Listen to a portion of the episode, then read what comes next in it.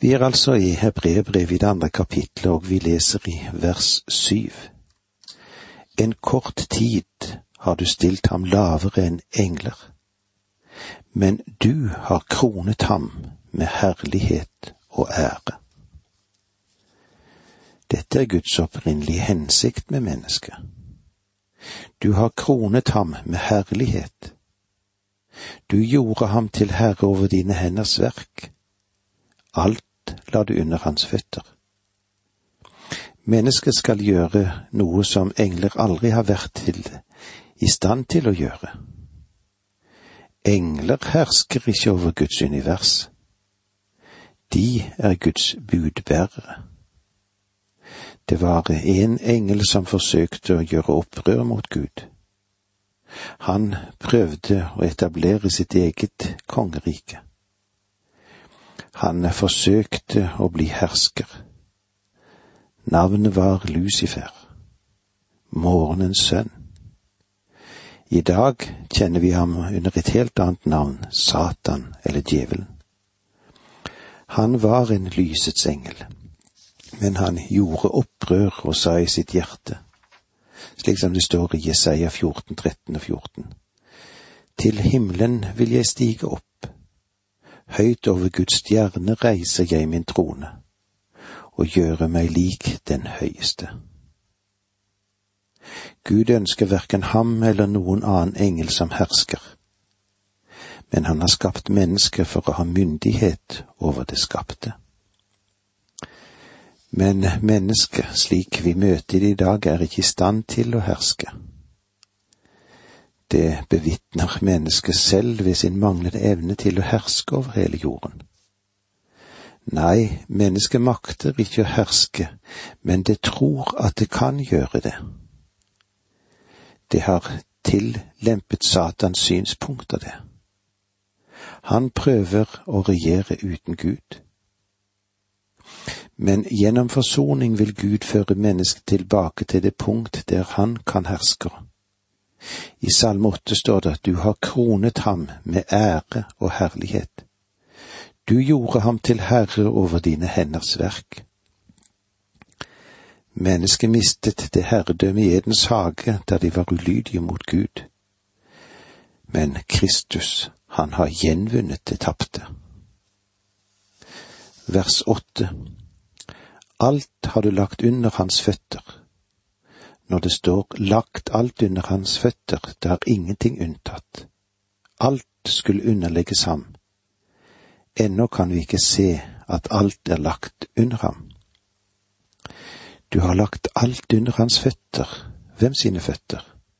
Kristi føtter, ikke menneskets. Ennå kan vi ikke se at alt er lagt under ham. Selv om jorden ikke er helt fri for hans kontroll, så er han ikke herskeren i dag slik vi kan se det. Men når den Herre Jesus hersker på jorden, vil det verken være behov for hospitaler eller fengsler. Der vil verken være kriminalitet eller fattigdom.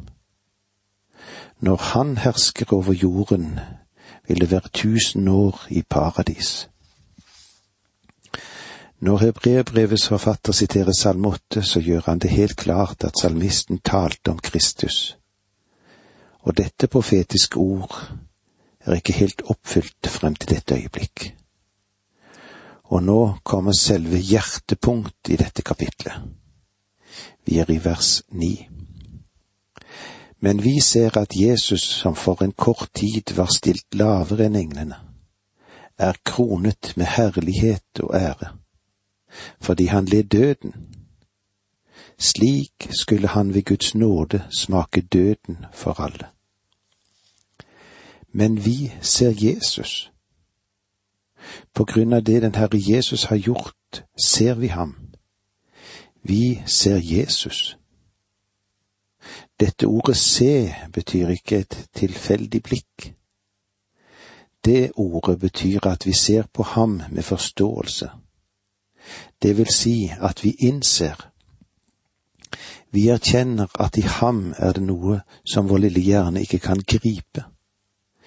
Vi ser på ham i tro, i tillit, i undring, i ærefrykt og i tilbedelse. Alt dette fanges inn av uttrykket Vi ser Jesus. Ser du ham i dag? Har Guds ånd tatt sløret fra dine øyne så du kan se ham? Vi ser Jesus. Legg merke til at Jesus er han menneskegitte navn.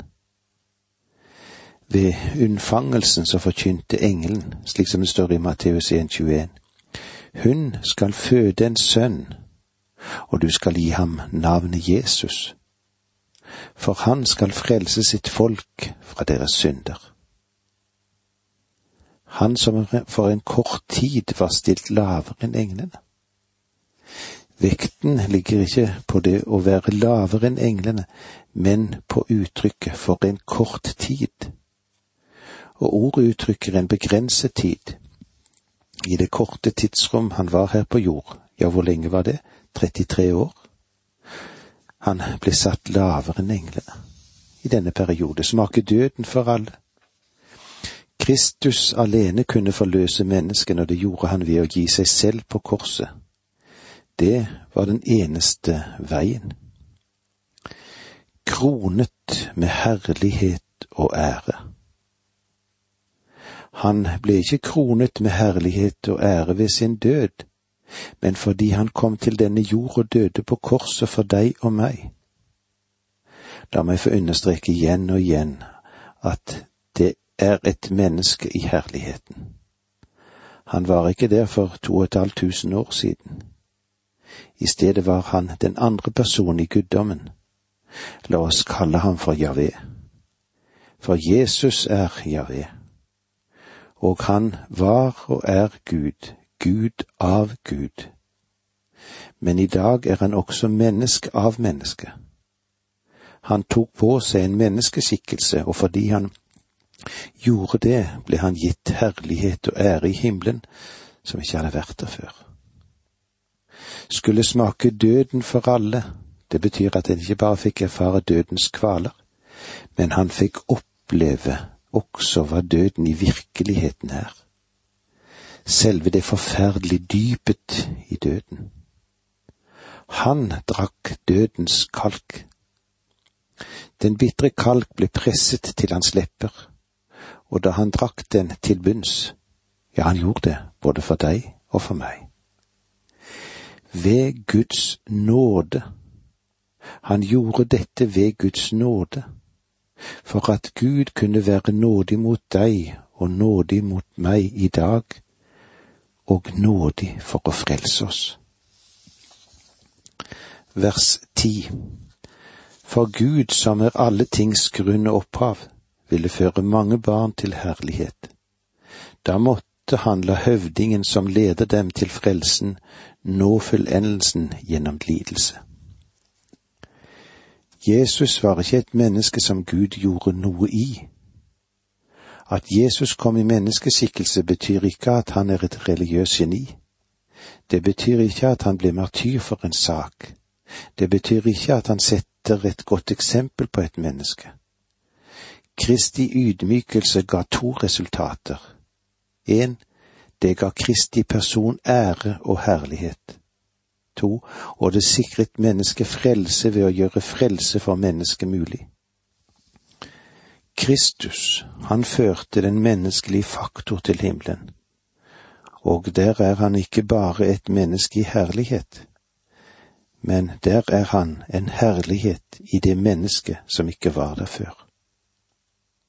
Ville føre mange barn til herlighet. Det er Guds store målsetting.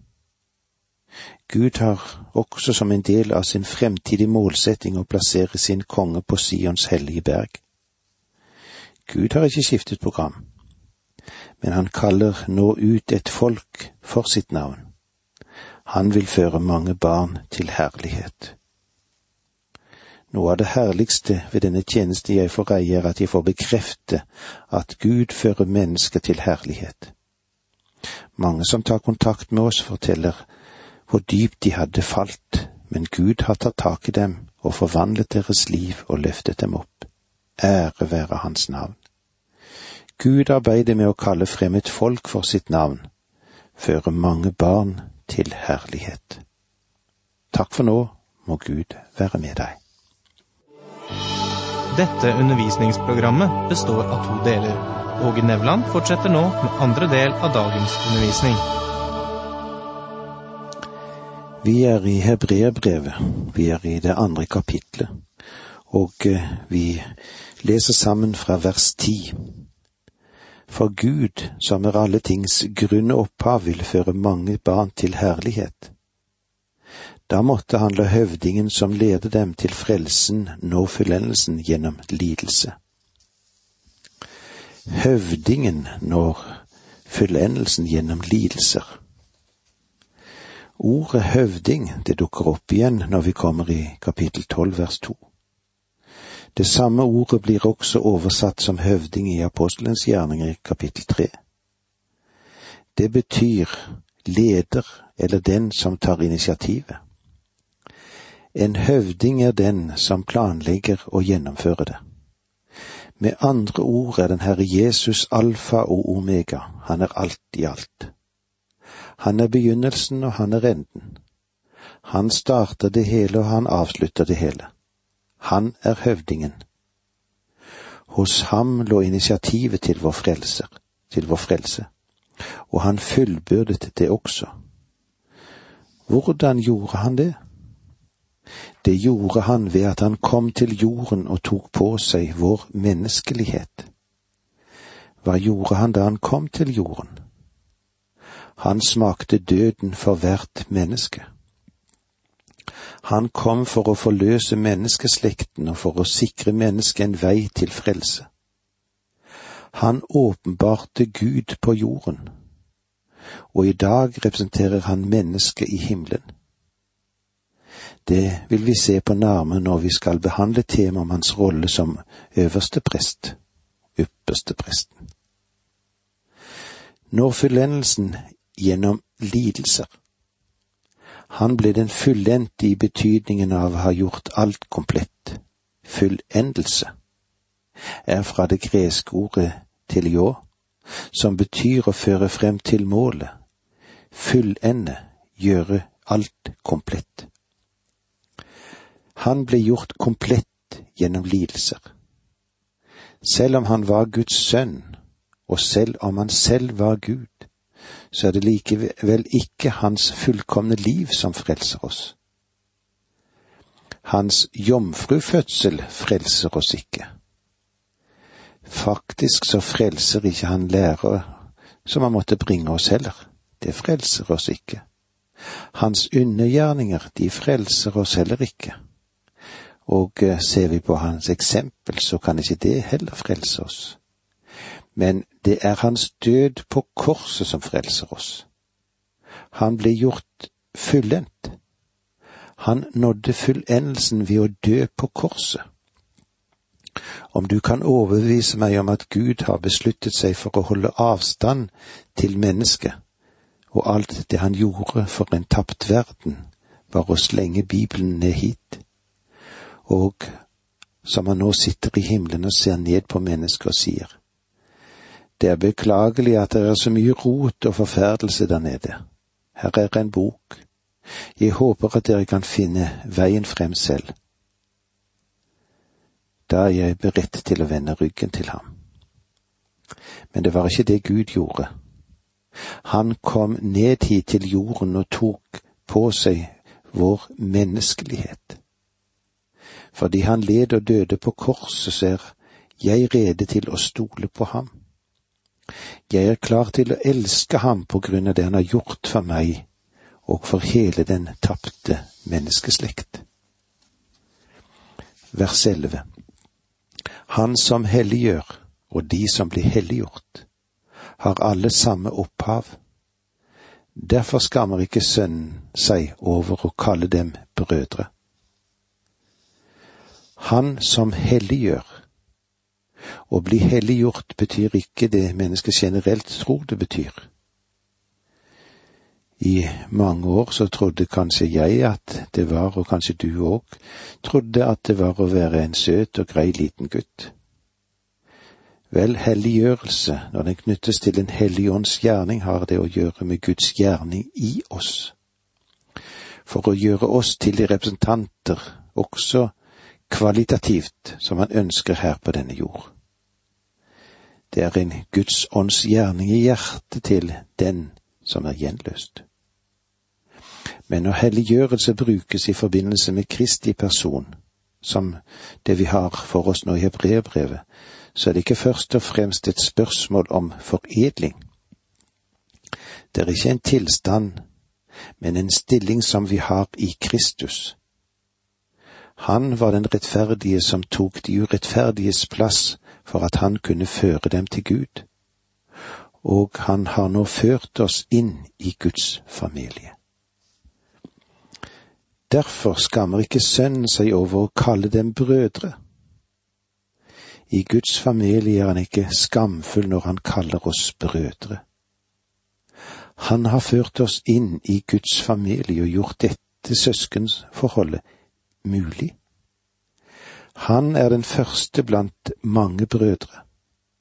Han er hodet for familien, og han kaller oss brødre fordi vi alle blir Guds barn ved troen på den Herre Jesus Kristus. Det gjør det helt klart at vranglæren om Guds universe, faderskap og det universelle menneskelige brorskap er falskt. Det er en av de verste doktriner som finnes i dag. I vers tolv sier han det slik. Han sier, Jeg vil forkynne ditt navn for mine brødre og lovsynge deg i menigheten. Dette vers er et sitat fra Salme 22. Det er korsets store salme, det. Første del av salmen peker på Kristi ydmykelse. Og her finner du faktisk Jesus syvs siste ord på korset nedtegnet. Men når vi kommer til vers 23 i denne salmen, møter vi opphøyelsen og herliggjørelsen av Kristus. Som det står i vers 23. Jeg vil forkynne ditt navn for mine brødre, lovsynge deg i menigheten. Jeg mener at en kunne begrense dette verset til hebraiske troende fordi det ble skrevet til jødene. Lovsynge deg i menigheten. Midt i den forløste flokk skal det finnes en lovsang, og det skal finnes mye av det. Nå møter vi enda et sitat fra Det gamle testamentet. Da ser vi hva Jesaja 8, 17 og 18 sier, men vi siterer da fra vers 13 i Hebrebrevet 2. Videre, jeg vil sette min lit til ham, og enda et sted, se, her er jeg og de barn Gud har gitt meg. Dette verset forteller noe om hvordan Den hellige ånd tolker Skriften. Der er de i dag som prøver å gi en tolkning av profetiene som utelater enhver henvisning til Kristus. Faktisk virker det slik når jeg leser Jesaja 8, 17, 18, at det ser ut som om forfatteren taler om Jesajas sine sønner. I alle fall forstår jeg det slik men i Hebreabrevet 2.13 tolker Guds hellige ånd den henvisning i Isaiah på en slik måte at den henviser til den Herre Jesus Kristus. Alle som i dag prøver å eliminere Jesus fra profetiene, motsier i alle fall den tolkning som Den hellige ånd har gitt oss i Det nye testamentet. Du husker kanskje at da den Herre Jesus kom tilbake fra de døde, da sa han det på denne måten i Johannes 20, 17. Gå til mine brødre og si til dem at jeg farer opp til ham som er min far og far for dere, min Gud og deres Gud. Da Jesus sa gå til mine brødre, henviser han til sine apostler i det øyeblikk, og de var selvfølgelig alle jøder. Jeg vil understreke det fordi jeg tror at det er viktig å ha det klart for oss hvem dette brevet er skrevet til. Det vil hjelpe meg å gi en korrekt tolkning som jeg tror kan føre til en tilpasning som gjelder ditt hjerte og mitt hjerte. Vers 14 Siden barna er mennesker av kjøtt og blod, måtte også han bli menneske som de Slik skulle han ved sin død gjøre ende på han som hersker ved døden, det er djevelen. Dette verset understreker nødvendigheten av inkarnasjon, at Jesus ble menneske. Siden barna er mennesker av kjøtt og blod, måtte også han bli menneske som de. Kristus kom på en måte man ikke hadde ventet at han skulle komme. Men de burde ha ventet dette, for profeten hadde gjort det klart at det var slik han skulle komme til jorden første gang. Fordi vi er av kjøtt og blod, så tok han på seg kjøttet og blodet, og så kom han til denne verden gjennom en menneskefødsel, slik du og jeg kom til verden. Slik skulle han ved sin død gjøre ende på ham. Kristus kom ikke bare gjennom fødselen. Hans fødsel frelste ingen, men gjennom døden. Det er gjennom sin død at han frelser oss. Han frelser oss ikke ved sin fødsel eller ved sitt eget liv. Det var hans død som brakte oss frelse og utfrielse fra åndelig og evig død. Og med disse ordene må vi si takk for nå, må Gud være med deg.